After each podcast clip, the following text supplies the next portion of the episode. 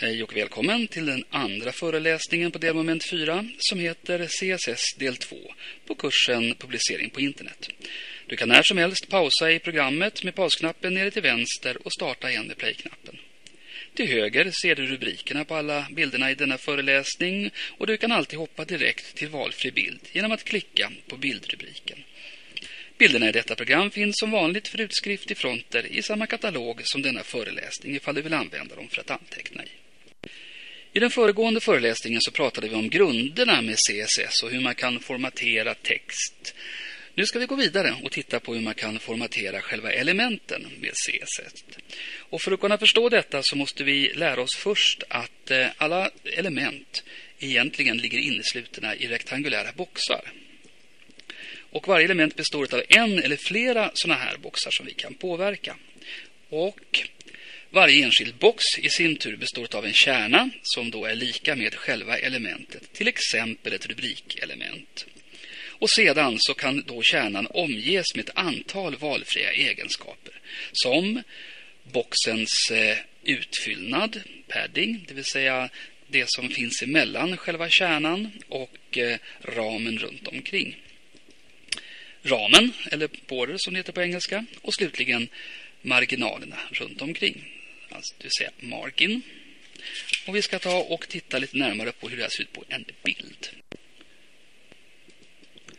Så här ser bilden ut och eh, som du ser här så består bilden av ett antal askar kan man säga i den här boxen. Längst in finns kärnan, det vill säga innehållet i elementet, till exempel en bild eller en text. Utanför denna så hittar vi paddingen, det vill säga avståndet mellan själva kärnan och ytterkanten på boxen. Den kan man fylla med till exempel färg och man kan också säga hur pass bred den ska vara. Utanför paddingen så finns där en eh, border, en kant runt omkring. Och den här kanten den kan vi då färgsätta och vi kan ge den diverse olika utseenden.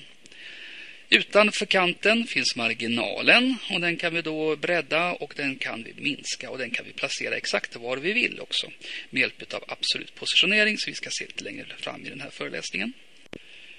Det finns fyra olika typer av element och vi ska ta och titta närmare på dessa fyra. Blockelementet har du stiftat bekantskap med tidigare. Ett blockelement är ett element som till exempel rubrik, textstycken som täcker hela skärmen från höger till vänster oavsett om själva texten gör det eller inte. Man kan alltså inte lägga två rubriker bredvid varandra. Vill man göra det, ja då får man då eh, till exempel lägga in dem i varsin tabellcell. Då går det bra att lägga rubriker bredvid varandra. Men generellt så går det inte att lägga två blockelement bredvid varandra. Utan de kommer att hamna under varandra. Inline-elementen däremot, eller även text-level-element som de kallas för. Det är små element som du kan lägga in i texter. Till exempel om du vill ha ett ord i en viss färg, du vill ha kursiv eller bold eh, stil på texten. Ja, då använder du utav så kallade inline-element. Och de kan ligga efter varandra. Det är inga problem. Sen har vi flytande element och ersättningselement som påminner lite grann om varandra. Och det här ska jag ta och visa här på framöver vad det är för någonting. Så vi går vidare i föreläsningen och börjar kika närmare på blockelementet. Blockelement är sådana element som producerar styckebrytningar, det vill säga visas på egna rader i sina egna block. Och som jag sa tidigare så är det här så att blockelement täcker skärmen från höger till vänster. Ofta infogar de även en tom rad ovanför och en tom rad nedanför som till exempel eh, blockelementet P eller blockelementet H1 till H6. Här har vi fler exempel på blockelement som är vanliga. Vi har tagit rubrikerna H1 till H6 och P för eh, stycke. Men vi har också då unordered list och ordered list, det vill säga punktlista eller nummerlista. Vi har horisontella streck, horizontal rows, HR det vill säga. Och vi har tabeller, table. Och vi har formulär, forms. Och varje element formateras i sitt eget block.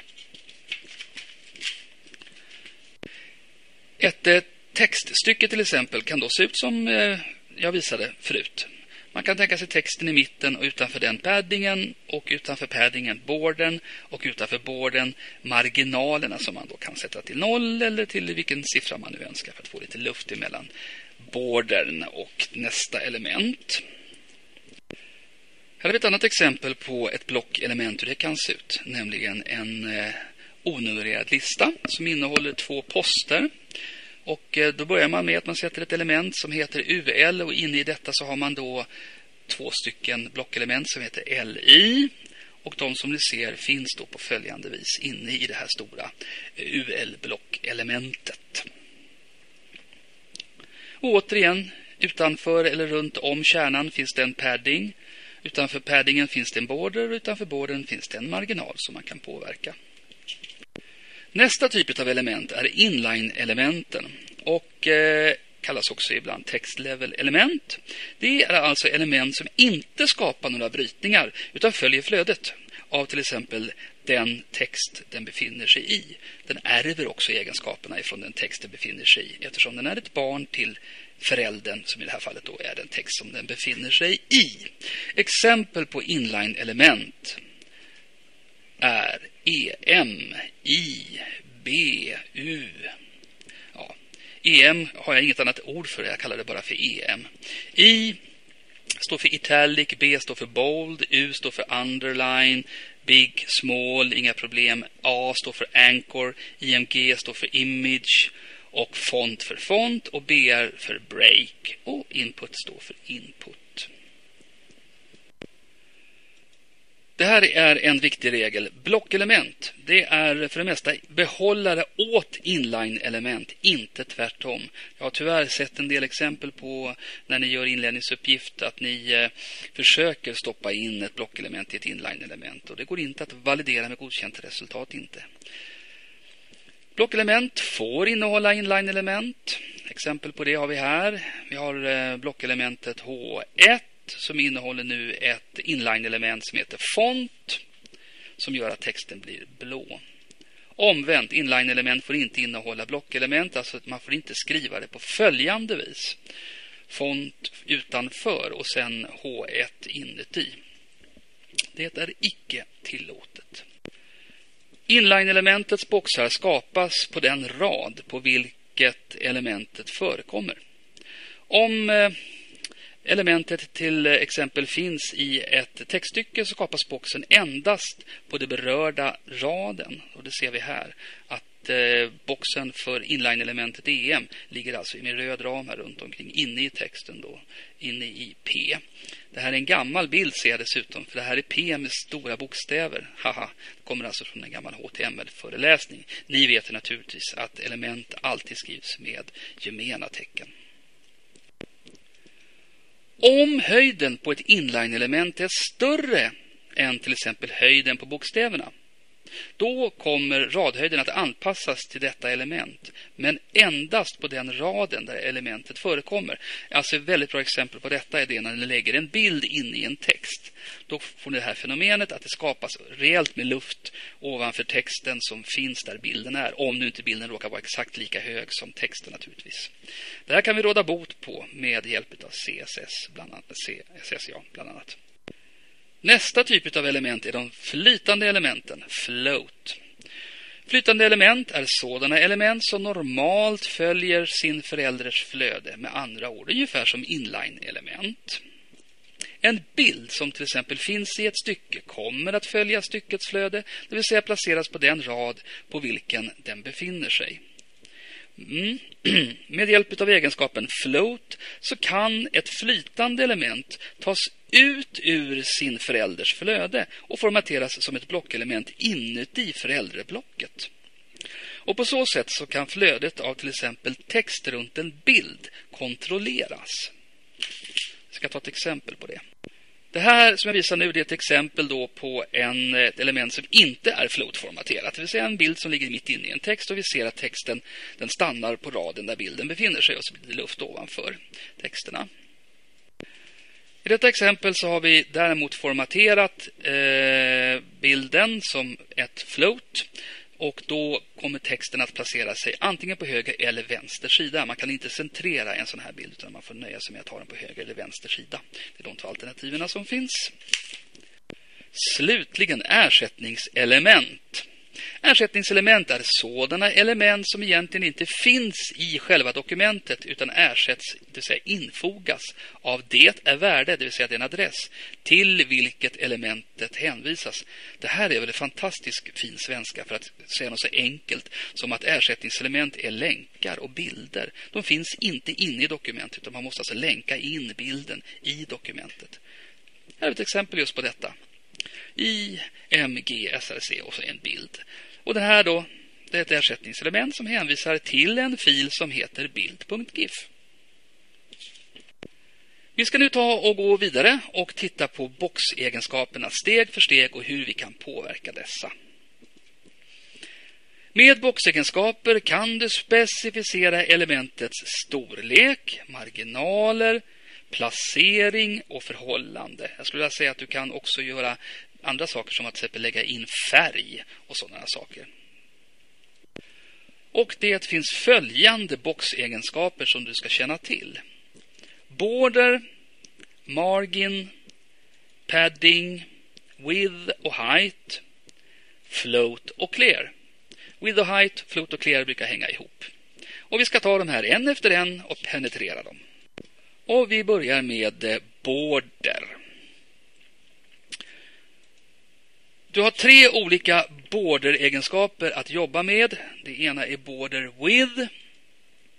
Den här egenskapen kan delas in i sin tur i border top with, border right with, border bottom with och border left with. Alltså man kan påverka hela ramen eller bara överdelen, underdelen, högra eller vänstra sidan. Specificerar bredden på ramen, även färgen kan man säga, kan man lägga på här då, runt ett element, inklusive paddingen. Värden då som man kan använda sig av? Ja, det är fasta värden, thin, medium, thick. Övriga längdmått kan man då också använda utav och då hänvisar jag till föregående föreläsning där vi gick igenom de olika värdena som man kan använda. Centimeter, millimeter, pixlar, EM etc. etc. Border color då? Ja, med den kan du färgsätta din ram. Den egenskap sätter färg på den ram som specificerades med egenskaper border with. För att se resultatet så måste man alltid ha med eh, border style också. Jag kommer strax till den. Innan man kan se resultatet på border color.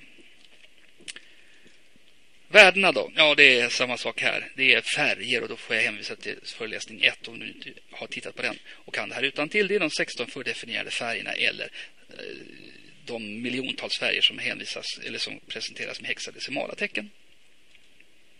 Slutligen border style.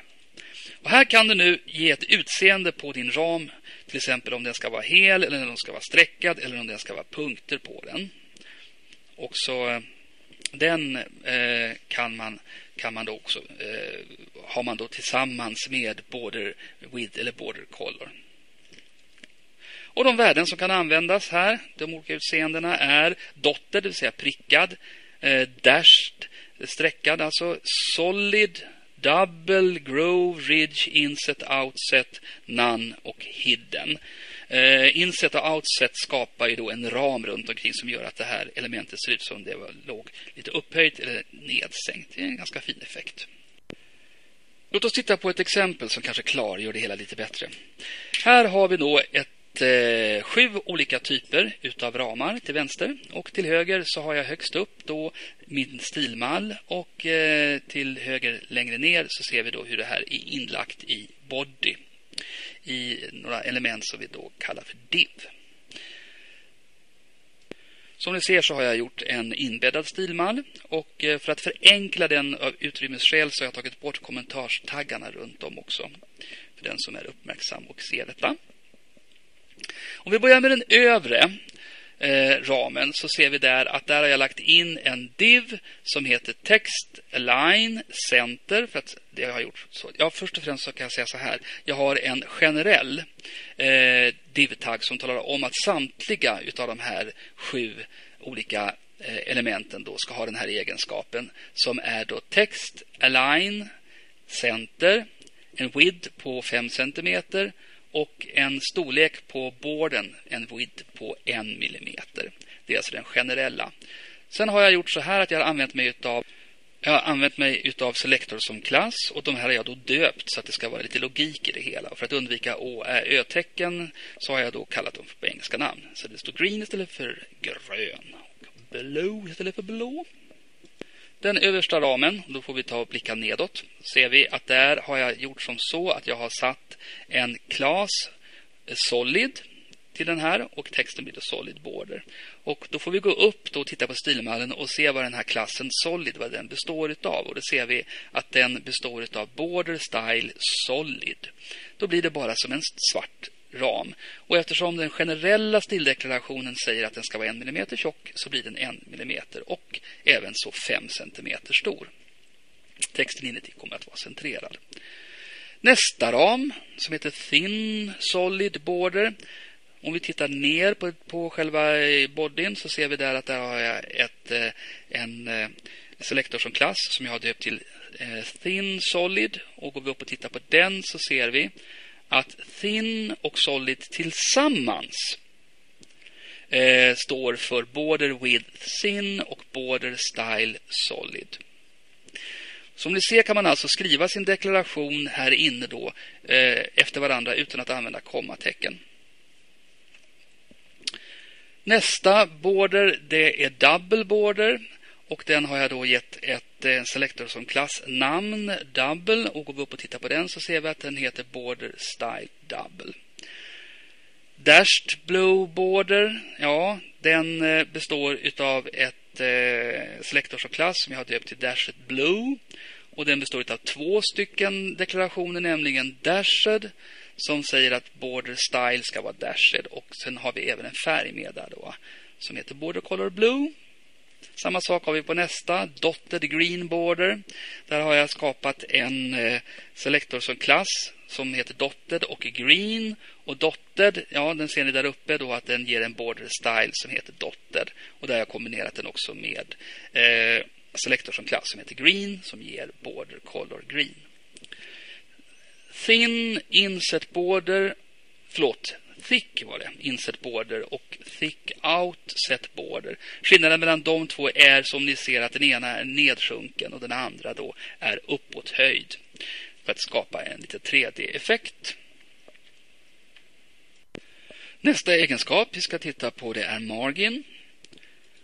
Och eh, denna egenskap kan i sin tur då delas in på samma sätt som border i margin top, margin right, margin bottom och margin left. Skriver jag bara margin, ja då får jag en likadan marginal runt hela objektet. Men skriver jag bara margin top, ja då är det bara den övre marginalen som påverkas. Och vad gör då detta? Jo, det specificerar avståndet mellan element. Så enkelt var det med det. Och vilka värden kan man då använda sig av? Ja, återigen, det är de här värdena som jag har presenterat på föregående föreläsning. Till exempel centimeter, millimeter, inch eller em, pixel och så vidare. Här har vi nu en illustration på hur det kan se ut i stora stygga verkligheten för margin.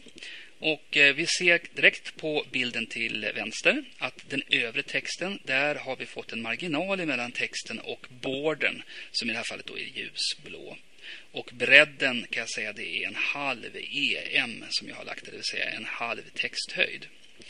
Den undre som ni ser, den har inte någon margin runt omkring sig utan där ligger texten hela vägen ända ut till själva ramen. Om vi tar och tittar lite grann på den här eh, stildeklarationen som jag har gjort så är det först och främst en inbäddad stilmall där jag har rationaliserat bort kommentarstaggarna fy mig. Men jag måste få plats som ni ser. Eh, den övre stildeklarationen heter punkt margin och det är alltså då en selektor som klass som jag har döpt till margin. Den undre är en klassad selektor, en div som jag har gett specialnamnet border.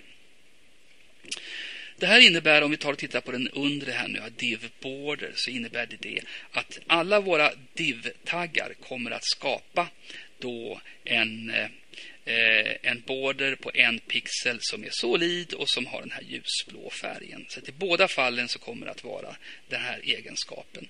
Men i den övre utav de här två elementen så kommer jag dessutom att stoppa in min eh, selektor som klass som heter margin för att påverka den så att ni ser att den får en marginal. Och Det här ser vi också när vi går ner i body längre ner. Att i det första elementet div har den bara klass border Eh, för att då skapa eh, två stycken div-element på det här sättet. Men eh, den övre har sen också fått div class margin som ger den här marginalen då. Allt det här ska ni sen labba på också så att ni ska få lite övning på det hela. Nästa egenskap är padding.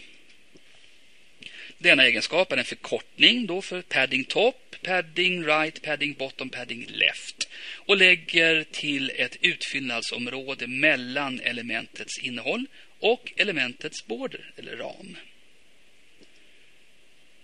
Lite enkelt kan man säga att padding fungerar som margin med den skillnaden att margin den skapade ett utfyllnadsområde utanför elementets ram medan padding gör det innanför ramen.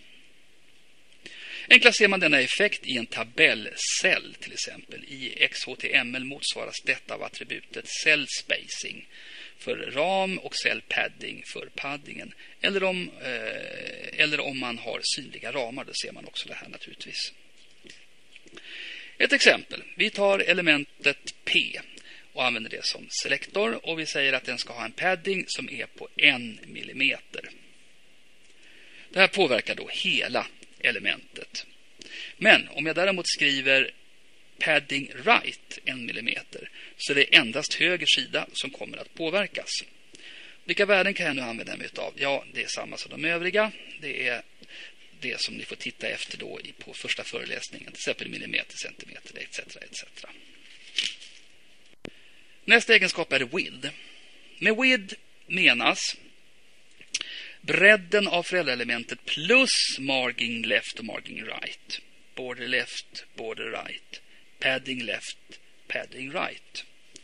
Följ, föga överraskande så kommer height att vara motsatsen då, att den påverkar eh, margin top, margin bottom, border top, border bottom och så vidare. Kommer till det slags.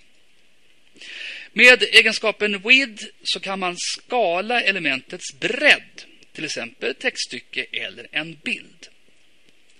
Exempel på det är att jag har satt width till 20% och då kommer då widden på det här att minskas ner till 20% utav skärmens storlek. Eh, ifall en bild inte ryms i fällelementet skalas dennes ursprungliga marginaler, ska jag tillägga också. Men för att behålla bildens proportioner så bör man även tilldela den ett egenskap, nämligen height. Och för att göra det enkelt då så sätter man bara height till auto så kommer det att bli rätt proportioner. Omvänt, om du specificerar auto, då sätter du with. Förlåt, om du specificerar height till någonting, då måste du ha med with och sätta den till auto. I det här fallet nu så har jag en bild där jag satt att det ska vara en width på 150 pixlar och height ska vara ställt som auto. Vi ska ta och titta på ett exempel på detta strax. Men först ska vi prata om height. Och height har samma egenskaper som width. Med height menas höjden på föräldraelementet plus margin top, margin bottom, border top, border bottom, margin, förlåt, padding top, padding bottom. Alltså som width fast tvärtom. Den näst sista boxegenskapen är float. Och den brukar hänga ihop med clear som jag strax ska visa. Den här egenskapen använder man för att ange att ett element ska ligga till vänster eller till höger eh, och att andra element flyter runt elementet. Enklast en bild eller en eh, tonplatta till exempel som man skapar med elementet div som man då sätter så att texten ska kunna flyta snyggt på höger eller vänster sida. Egenskapen används oftast till bilder, ja just det, precis som jag sa, in i en text och effekten blir just precis densamma som att i XHTML använda align left eller align right i elementet IMG. Värden då? Ja, det är left eller right som finns, eller none. Och skriver man ingenting, ja då är det alltid none som gäller. Om värdet är none så kommer bilden att visas precis på det stället i texten där den befinner sig föga överraskande. Värdet left kommer att flytta elementet åt vänster och texten visas då på höger sida om det på ett flytande sätt. Och right flyttar elementet åt höger och texten visas på dess vänstra sida. Och här har vi ett exempel där jag har skrivit IMG float left. Och det placerar bilden på vänster sida om texten. Jag ska ta och titta på ett exempel på detta. Och det exemplet det kommer här. Bilden ligger till vänster och texten flödar på höger sida och fortsätter sedan under bilden. Vi tar och tittar på vår stildeklaration högst upp. Där har vi gjort en inbäddad stilmall och jag har återigen tagit bort kommentarstaggarna. Jag har skrivit IMG float left och jag har gett den en marginal för att inte ska, texten ska ligga direkt mot bilden på en halv texthöjd, 0,5 em. Observera att jag skriver inte ut nollan, jag skriver bara punkt 5. Och observera att jag använder inte kommatecken utan jag använder punkten som decimal istället. Det är alltså det engelska sättet att skriva det hela på. Jag har också med en width för att få bilden att bli lite mindre. Från en lite större ursprungsbild. Ni känner säkert igen den här nunnorna som ni har slitit med på ett annat eh, delmoment. Width eh, 100 pixlar och height är då satt till auto. Och nere i body. Ja, då har jag gjort så här att jag har gett den här en body background color svagt eh, grå. Och sen så har jag då lagt in bilden som heter nunnor som ursprungligen har en height på 180 och en width på 283. Den har vi alltså då minskat nu då till en width på 100 och en height på auto. Och sen vad det gäller texten så har jag bara sagt att den ska vara, ha jämn höger och vänster marginal. Så har jag bara matat in någonting som fingrarna fick slint över tangentbordet med. Och resultatet som ni ser, det ser ni till höger. Förlåt, vänster. Tillsammans med eh, float brukar man också använda boxeregenskapen clear. Använder du float så måste du avsluta ditt flytande område så att inte andra element påverkas. Där ska man lägga till clear. Clear bryter det flytande området så att ingen text eller andra element seglar upp och lägger sig vid sidan av det flytande elementet. Ja, förutsatt att det inte ska göra det förstås. Funktionen som Clear har eh, är att den skapar en avgränsning mellan elementet i float och innehållet därunder genom att den trycker ner resterande innehåll så att det hamnar på rätt plats, det vill säga under float. Du ska få göra ett prov på en laboration på det här och då tror jag det kommer att klarna bättre om du tycker att det här känns rörigt. Och vilka värden kan då Clear ta? Ja, den tar none, left, right eller both det vill säga båda sidor. Och utgångsvärdet är non om man ingenting säger. Här har jag gjort en deklaration. Jag har gjort en selektor som klass som jag har döpt till clear och gett den egenskapen clear both. Och eh, den här HTML-koden placeras omedelbart efter koden för det flytande elementet så att den bryter sig loss ifrån float. I det här fallet är det då en div som jag har gått in och lagt in den här i class clear som ni ser. Ni ska få labba på det här som sagt var och då tror jag att det kommer att lösa sig om ni tycker att det här känns förvirrande. Vi går vidare med färger och bakgrundsbilder. Med ett stylesheet kan du tilldela varje element en förgrundsfärg, en bakgrundsfärg och en bakgrundsbild. Och när jag säger varje element så menar jag till exempel att du kan lägga in en bakgrundsbild kring ett enskilt, bakom ett enskilt, en enskild bokstav till exempel. Förgrundsfärgen den eh, gör du på samma sätt som du har gjort tidigare i föregående övningar där du har färgat en text, till exempel blå som i det här fallet ett textstycke. Vi använder alltså attributet color. Blå färg på bokstäver i ett textstycke. När det gäller bakgrundsfärgen, ja, då skriver vi istället attributet background color och ger det en färg. Gul färg på den yta, den box på vilken texten visas. Och när det gäller bakgrundsbild, ja, då får vi helt enkelt fixa fram en bild som vi skriver adressen till på följande vis. Background, image och som värde skriver vi URL och inom parentes namnet eller länken till den här bilden. Tar vi en bild från någon annans hemsida, ja då får vi skriva ut här adressen, då var http eh, och så vidare, kolon, slash, slash, www och så vidare och så vidare. Bakgrundsbild på den yta, den box på vilken texten visas. En bakgrundsbild repeteras, ska jag säga också, precis som man gör med vanliga bakgrundsbilder. Vilket man kan stoppa och det ska vi också ta och titta på här om man bara vill ha till exempel en bild någonstans i en hörna på en text. Låt oss titta på ett exempel här på färger och bakgrundsbilder. Jag börjar med att jag gör en stildeklaration, en inbäddad stilmall och jag har rationaliserat bort kommentarstaggarna här också. Jag börjar med att jag gör en generell stildeklaration för alla textstycken som jag då säger att de ska ha färgen blå. Därefter så har jag lagt in en klassad selektor som jag har döpt till bakgrund och gett egenskapen background color yellow. Och för att få in en bild så har jag också använt mig av elementet span där jag har sagt background image ska vara URL, en bild som heter desert.jpg.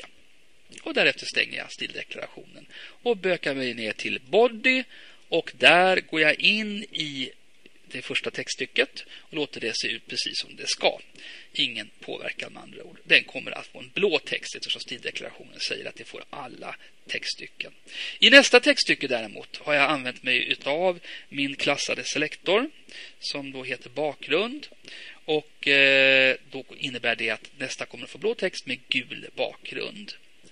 Slutligen den sista, också samma sak där. Den kommer att få en gul bakgrund, blå text. Men här har jag även lagt in elementet span runt ordet öken. Och där kommer nu den här bilden desert att läggas in. Därefter stänger jag body och resultatet då? Ja, så här ser det ut. Som ni ser, det första textstycket bara blått. Det andra textstycket blå färg med gul bakgrund. Och den sista, där har vi även fått med en bakgrundsbild på en torr sprucken ökenmark under texten öken. Därmed går vi över till någonting som är väldigt stort inom det här med CSS, nämligen positionering utav boxar. Vi har tidigare gått igenom och visat hur boxar ser ut med sina egenskaper. När man positionerar dem så utgår man ifrån margin och talar om då vad det ska vara för avstånd emellan till exempel topp och left eller topp och right eller bottom eller något liknande. Eller varför inte ifrån övriga andra element i närheten. Position heter det här då på English. Och positionerade boxar placeras så att det normala flödet är satt ur spel. Och det finns följande varianter för egenskapen position. Här är den vanligaste som heter position absolut. Här ligger den i en bild till exempel och då ska placera bilden enligt en absolut positionering. Nästa positionering relativ. Den är också relativt vanlig, eh, haha, om man får säga så. Men jag brukar oftast använda bara absolut, men det är en smaksak.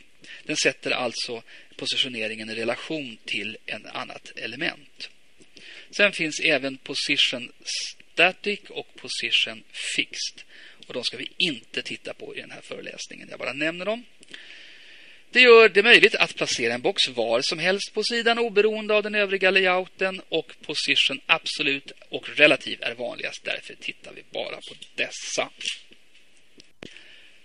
För att positionera en box utanför det normala flödet på sidan så krävs två inställningar. Nämligen hur den ska placeras, det vill säga positionen. Och Det kan vara absolut eller relativ i det här fallet och var på sidan den ska placeras. Och Det är det vanligaste att man använder sig av topp och left. Och Det skrivs på följande vis. Här har vi valt en selektor, nämligen P. Det här textstycket ska nu placeras någonstans. Inte alls som vanligt längst med vänster sida, utan det ska placeras någonstans inne i dokumentet. Position Absolut väljer vi och vi säger att den ska vara 20 pixlar ifrån topp och den ska vara 100 pixlar ifrån left och därmed stänger vi den deklarationen. Man behöver inte ange bottom eller right eftersom webbläsaren lägger in boxen med början uppifrån vänstra hörnet per automatik. I detta exempel placeras textstycket 20 pixlar från sidans topp och 100 pixlar från sidans vänsterkant. Vi ska ta och titta också på position relative och eh, skillnaden mellan absolut och relativ position är att position relativ placerar elementet relativt sin förälder. Om du vill placera en bokstav högre på en textrad till exempel så kommer då den här bokstaven att vara ett barn till föräldern som är textraden. Vi skriver en deklaration som ser ut på följande vis. Style type, bla bla bla och så vidare. Jag använder mig av span nu eftersom jag ska gå in med eh, en förändring bara på en enskild bokstav eller tecken, i det här fallet en siffran 2. Jag säger att position ska vara relativ och den här ska då vara i förhållande topp minus en halv bokstavshöjd. Och eh, font size ska vara lite mindre också. En halv bokstavshöjd ska det vara på den här. Och resultatet Ja, ja, innan vi ser på resultatet så ska vi se då hur jag lägger in den här koden i body. I textstycket och texten Min tomt är 2540 meter, det ska bli kvadratmeter. Därför kommer vi att lägga in tvåan så att det ligger med lite mindre stil och lite upphöjd precis efter m Och därefter kommer ordet stor. Lägg märke till att jag dessutom har lagt in ett mellanslag före bokstaven S i stor. Så att inte den ska hamna precis bredvid tvåan. Och resultatet då? Ja, det blir föga överraskande på följande vis. Det här är en ganska bra sak att känna till. Eh, om ni ska göra motsvarande i XHTML då använder ni utav eh, till exempel eh, elementet sub. En stor finess med positionering av boxar är att vi kan använda oss utav någonting som heter positionering med hjälp av lager. Eh, och det ska vi titta på här. Om vi börjar med att titta på den lilla grafen på höger sida så ser vi att den liksom alla andra grafer har en X och en Y-axel. Men här lägger vi även in en Z-axel vilket innebär att vi kan placera elementen A, B och C ovanpå varandra genom att ge Z ett värde. Vi ska kika på hur det här kan byggas i vi har pratat om boxarnas placering i bredd och höjdled. Ja, det var precis det jag sa. Boxar kan e- placeras i olika lager längs en Z-axel. Låt oss kika på hur det här ser ut. Lagereffekterna då. Genom att placera boxarna ovanpå varandra längs Z-axeln kan man skapa olika slags effekter. Till exempel text på bilder eller bild på bild. Stack level kallas det här för. Ordet stack kan enklast översättas med stapel. Boxarna ligger alltså stackade eller staplade på varandra i olika lager.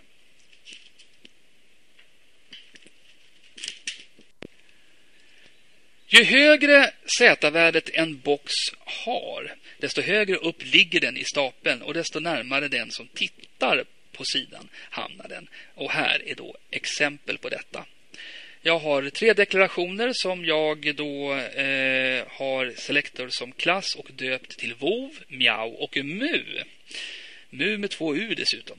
Ja, därför att mu säger kossan med lite längre än vad katten säger sitt miau. Nu stryker vi det. Position absolut också har vi i alla tre exemplen. Och med lite skillnad på topp och left kommer nu det här att förflytta sig lite grann i, i position. Jag har gett den första VOV ett Z-index 1. Miau har gett ett Z-index 2 och MU har fått Z-index 3. Bakgrundsfärgen på VOV är blå, för Miau gul och för MU röd. Textfärgen blir gul på VOV, svart på Miau och svart även på MU.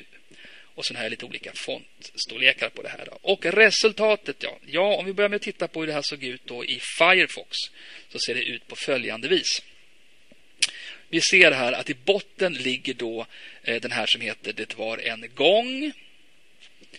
Eh, sen kommer då, jaha, nu ska vi se, nu var jag lite dum, nu har jag inte jag med själva koden som jag kan visa er här då.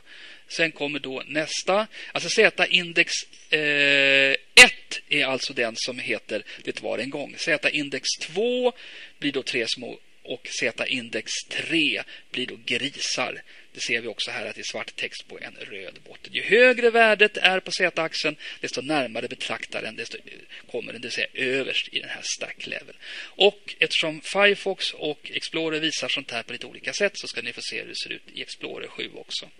Ni ser att det är inte lätt att jobba här inte med det här. Dessutom så Explorer i mitt fall har default visar den all text med seriffer, vilket den inte gör i Firefox. Så att det blir som du ser lite olika utseende på det. Men det får man dessvärre leva med. Här kommer ett annat exempel hur man kan använda sig av det här med eh, Z-axel.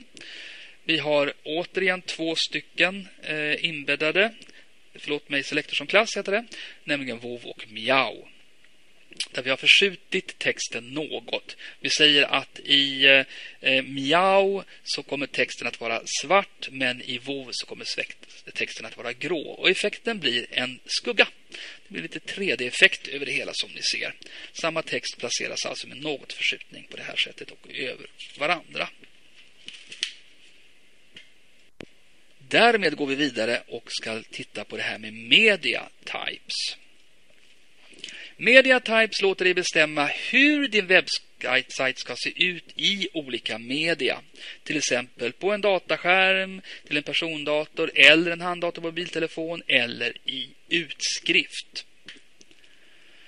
I standarden CSS2 identifieras tio olika mediatyper. Jag kan inte säga hur det ser ut nu vid CSS3 men det är inte alla webbläsare som stöder CSS3 ännu så att vi kör på tvåan.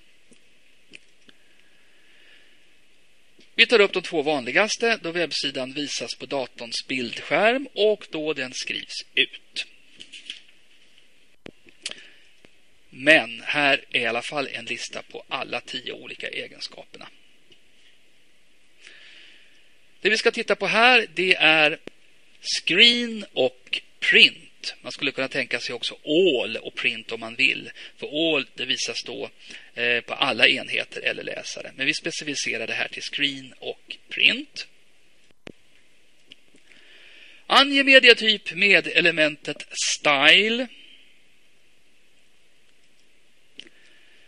Mm, då gör vi en sådan då. StyleType, CSS. Media screen skriver vi då här uppe i eh, starttaggen. Och den här stilmallen kommer nu alltså att gälla för bildskärmen.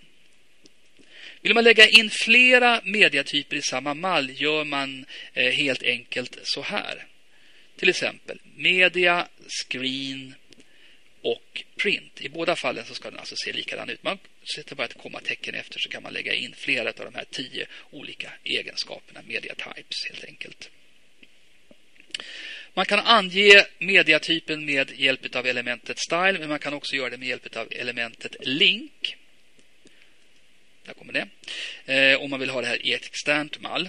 Och det gör man på följande vis att man skriver då i link type istället då. Förlåt, i, i eh, elementet link så skriver man förutom type så skriver man också eh, attributet media med värdet i det här fallet print eller screen då. I övrigt ska det se likadant ut med href och med type.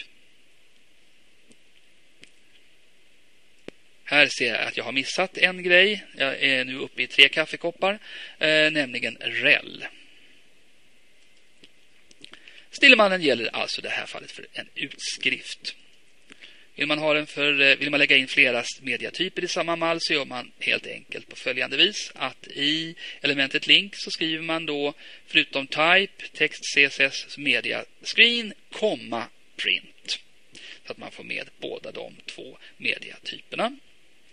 Det vill säga stilmallen gäller för både bildskärm och utskrift. Ska vi ta och titta på ett annat sätt att göra det här på också nämligen med selektorn snabel media. Selektorn snabel media eller at media gör det möjligt att definiera olika mediatyper inom en och samma stilmall. Och här har vi nu gjort en eh, inbäddad stilmall. Och här har jag sagt att när man tittar på den här på skärm så ska det vara font size 12 pixlar. Och det har jag skrivit med at media och gett den värdet screen. Vill jag nu skriva ut den här, då kommer den skrivas ut med 10 pixlar istället. Eh, förlåt, 10 punkters text. Och eh, det gör jag genom att jag skriver at media och print istället. Och därmed avslutar jag min inbäddade stilmall. Men om jag nu har en extern stilmall, då skriver jag bara länken precis som vanligt med link, rel och type och href. Och i den externa mallen, där skriver jag sen det här eh, at media screen och font size 12 pixlar respektive at media print font size 10 punkter. Här kommer ett exempel som är hämtat ur läroboken på skillnaden mellan screen och print som jag tycker är bra. Vi ser här i koden, det är ju då en inbäddad stilmall högst uppe, att jag har satt eh, media screen, det vill säga när man ser på den här sidan så ska den då ha en bakgrundsfärg, body, som är mörkblå och texten ska däremot vara vit och av typen sansriff som är läsbar på skärm. Skriver jag däremot ut den här vill jag inte ha blå bakgrund och vit färg utan då vill jag istället ha vit bakgrund och svart färg på texten. Dessutom vill jag inte ha sansriff utan jag vill ha seriffer istället. Så har jag skrivit det hela och hur ser det då ut? Ja, det ska du få se på nästa sida. Men när du gör den här övningen så kan det vara bra att veta att du behöver inte skriva ut det för att se resultatet utan du kan istället titta på Print Preview.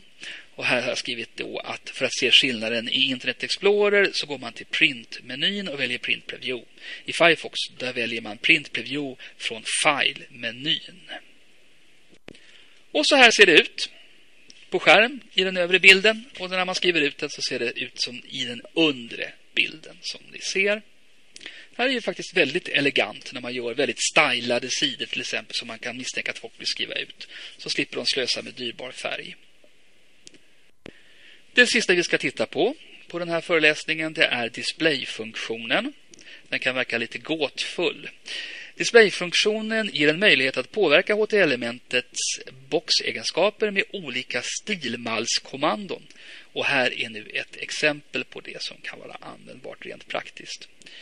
Strong, det är ju egentligen ett inline-element. Men här har jag sagt det, satt det till display block, vilket gör att strong istället kommer att bli ett blockelement och utnyttjar då hela sidan. Table, som normalt är ett blockelement, har jag däremot gjort om till ett inline-element.